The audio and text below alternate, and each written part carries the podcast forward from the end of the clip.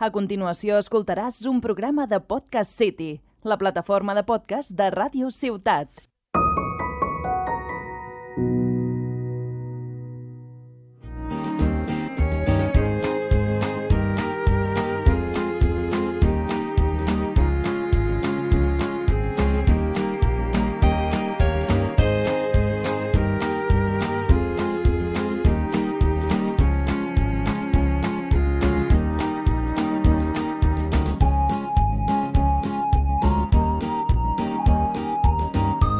Avui us parlarem de la psicoxarxa solidària del Col·legi Oficial de Psicologia de Catalunya. És un projecte que neix de la voluntat de molts professionals de la psicologia d'ajudar i donar atenció psicològica a persones amb pocs recursos econòmics. I ho farem de la mà de Raquel Molinero. Ella és psicòloga sanitària i coordinadora de l'equip de derivacions de la psicoxarxa de Tarragona. Hola Raquel, benvinguda. Hola, eh, Maria, bon dia. Eh, no sé, Raquel, si ens podries explicar una mica amb més detall quins serveis ofereix la psicoxarxa? Bueno, la psicoxarxa eh, solidària ofereix diferents tipus de serveis i psicològics eh, que, estan, que poden anar des de la intervenció psicològica individual, el tractament individual de les persones, fins a petites formacions o tallers en associacions solidàries que també pateixen la manca de recursos econòmics. I llavors, a qui va dirigida la psicoxarxa? Bueno, eh, els beneficiaris de la psicoxarxa són totes aquelles persones o bé col·lectius més desfavorits de la societat que no tenen recursos econòmics per, per poder tindre una assistència psicològica de qualitat. Eh, en aquí ens trobem un perfil molt variat, Maria. Eh, persones amb addiccions, maltractaments, trastorns de la personalitat, trastorns d'ansietat, ara sobretot angoixa, uh, dol, etc. Vull dir, és, és, és una variant de, de trastorns eh, molt important, la qual atenem.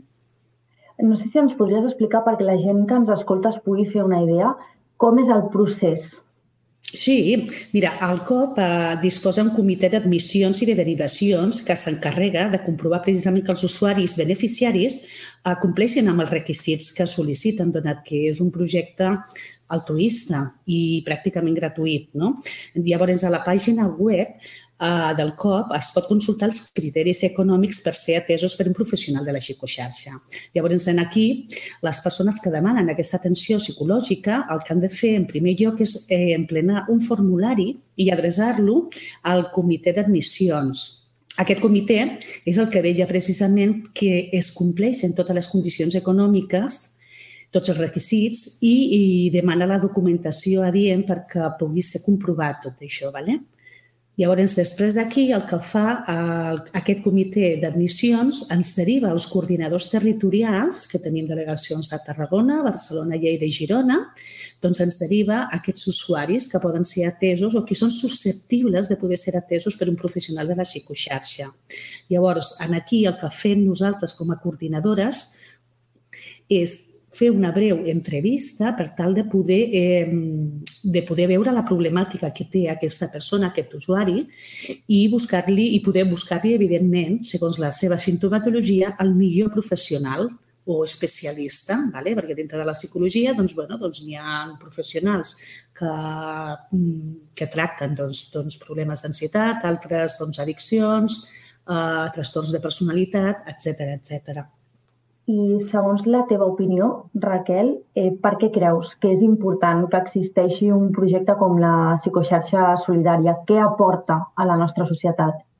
veure, la psicoxarxa aporta moltes coses, però sobretot és això, el poder ajudar a persones que no tenen recursos. És tremendament important la seva existència i més ara en temps de Covid, que n'hi ha hagut tants acomiadaments, que en temps de crisi la gent no es pot permetre eh, el fet de poder contemplar l'assistència a un psicòleg privat.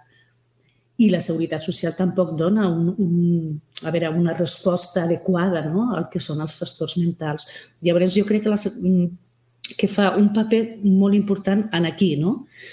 gràcies a aquesta generositat de les persones, o sigui, dels professionals que estan col·laborant amb la psicoxarxa, n'hi ha un munt de gent que pot gaudir d'una atenció psicològica de qualitat cosa que si no estigués aquest, aquest projecte o que no existís, doncs hi havia moltíssima gent que, no, que es quedaria sense un tractament, que és el que necessita.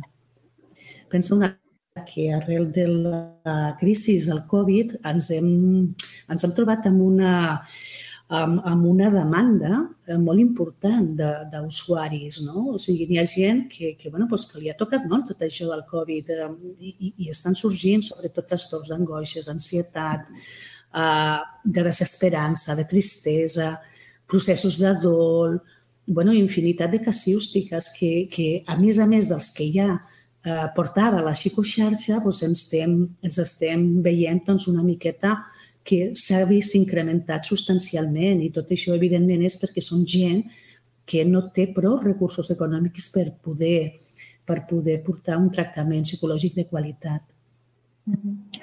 Per tant, Raquel, eh, és un servei destinat a persones amb pocs recursos econòmics i si la gent que ara ens escolta no, eh, pensa, doncs mira, la meva veïna o el meu amic o potser eh, jo mateixa podria o necessitar aquest servei. Si et sembla, per acabar, els hi podem recordar que tota la informació sobre la psicoxarxa solidària la poden trobar al nostre web, com has comentat, no? a www.copc.cat. Hi ha un apartat de servei de la ciutadania, allà teniu tota la informació sobre la psicoxarxa i també si tenen algun dubte trucar-nos al 977 21 41 02 o si no poden enviar un correu electrònic també a l'adreça de psicoxarxa arroba copc.cat. Aquí, en aquest apartat, trobaran tota la informació, no, Raquel, que puguin necessitar tot el detall. Correcte, o sigui, tant els criteris econòmics, eh, tot. O sigui, en aquí trobareu tot el, i el formulari específic per poder adreçar la sol·licitud. I és el que dius, Maria, que en cas de que tinguin alguna dubte, que no dubtin en posar-se en contacte amb nosaltres. Eh, Raquel, i també ens escolten col·legiats i col·legiades eh, professionals de la psicologia que en aquests moments poden estar sentint el podcast i dient doncs jo em vull sumar a aquest projecte solidari. Com ho haurien de fer? Bueno, per nosaltres superencantats de la vida que es puguin sumar en aquest projecte, perquè realment és un projecte que t'omple molt eh, com a persona, no? el poder ajudar gent sense recursos, mm, jo no sé els demés, però a mi personalment doncs, és, és una cosa que m'omple molt. Uh, pues sí, Maria, com bé dius, uh, han de fer una sèrie de passos, no? però són molt senzills. Simplement han d'omplir un, un formulari que també està adreçat al col·legi de, ai, al, al Departament d'Admissions i en aquest formulari es demana una sèrie de requeriments, com pot ser doncs, una experiència determinada, una, les especialitzacions que tenen els diferents professionals, etc etc. Llavors, en aquí després s'envia en el Departament d'Admissions, donen el vistiplau i ens ho passen també als coordinadors perquè podem contrastar una miqueta la informació i a partir d'aquí formen part de la nostra borsa de professionals de la psicoxarxa. Perfecte. Doncs gràcies, Raquel. Nosaltres l'espai d'avui el volíem dedicar a aquest servei, a aquest projecte solidari eh, que creiem que pot ser eh, doncs una aportació, un petit gra de sorra per ajudar en aquest moment tan complicat que estem vivint moltes gràcies, Raquel, per la teva feina a la psicoxarxa i per acompanyar-nos avui. A vosaltres. I gràcies a tu també per escoltar-nos. T'esperem al proper episodi de La Finestra de la Psicologia, el podcast de la Delegació Territorial de Tarragona del Col·legi Oficial de Psicologia de Catalunya.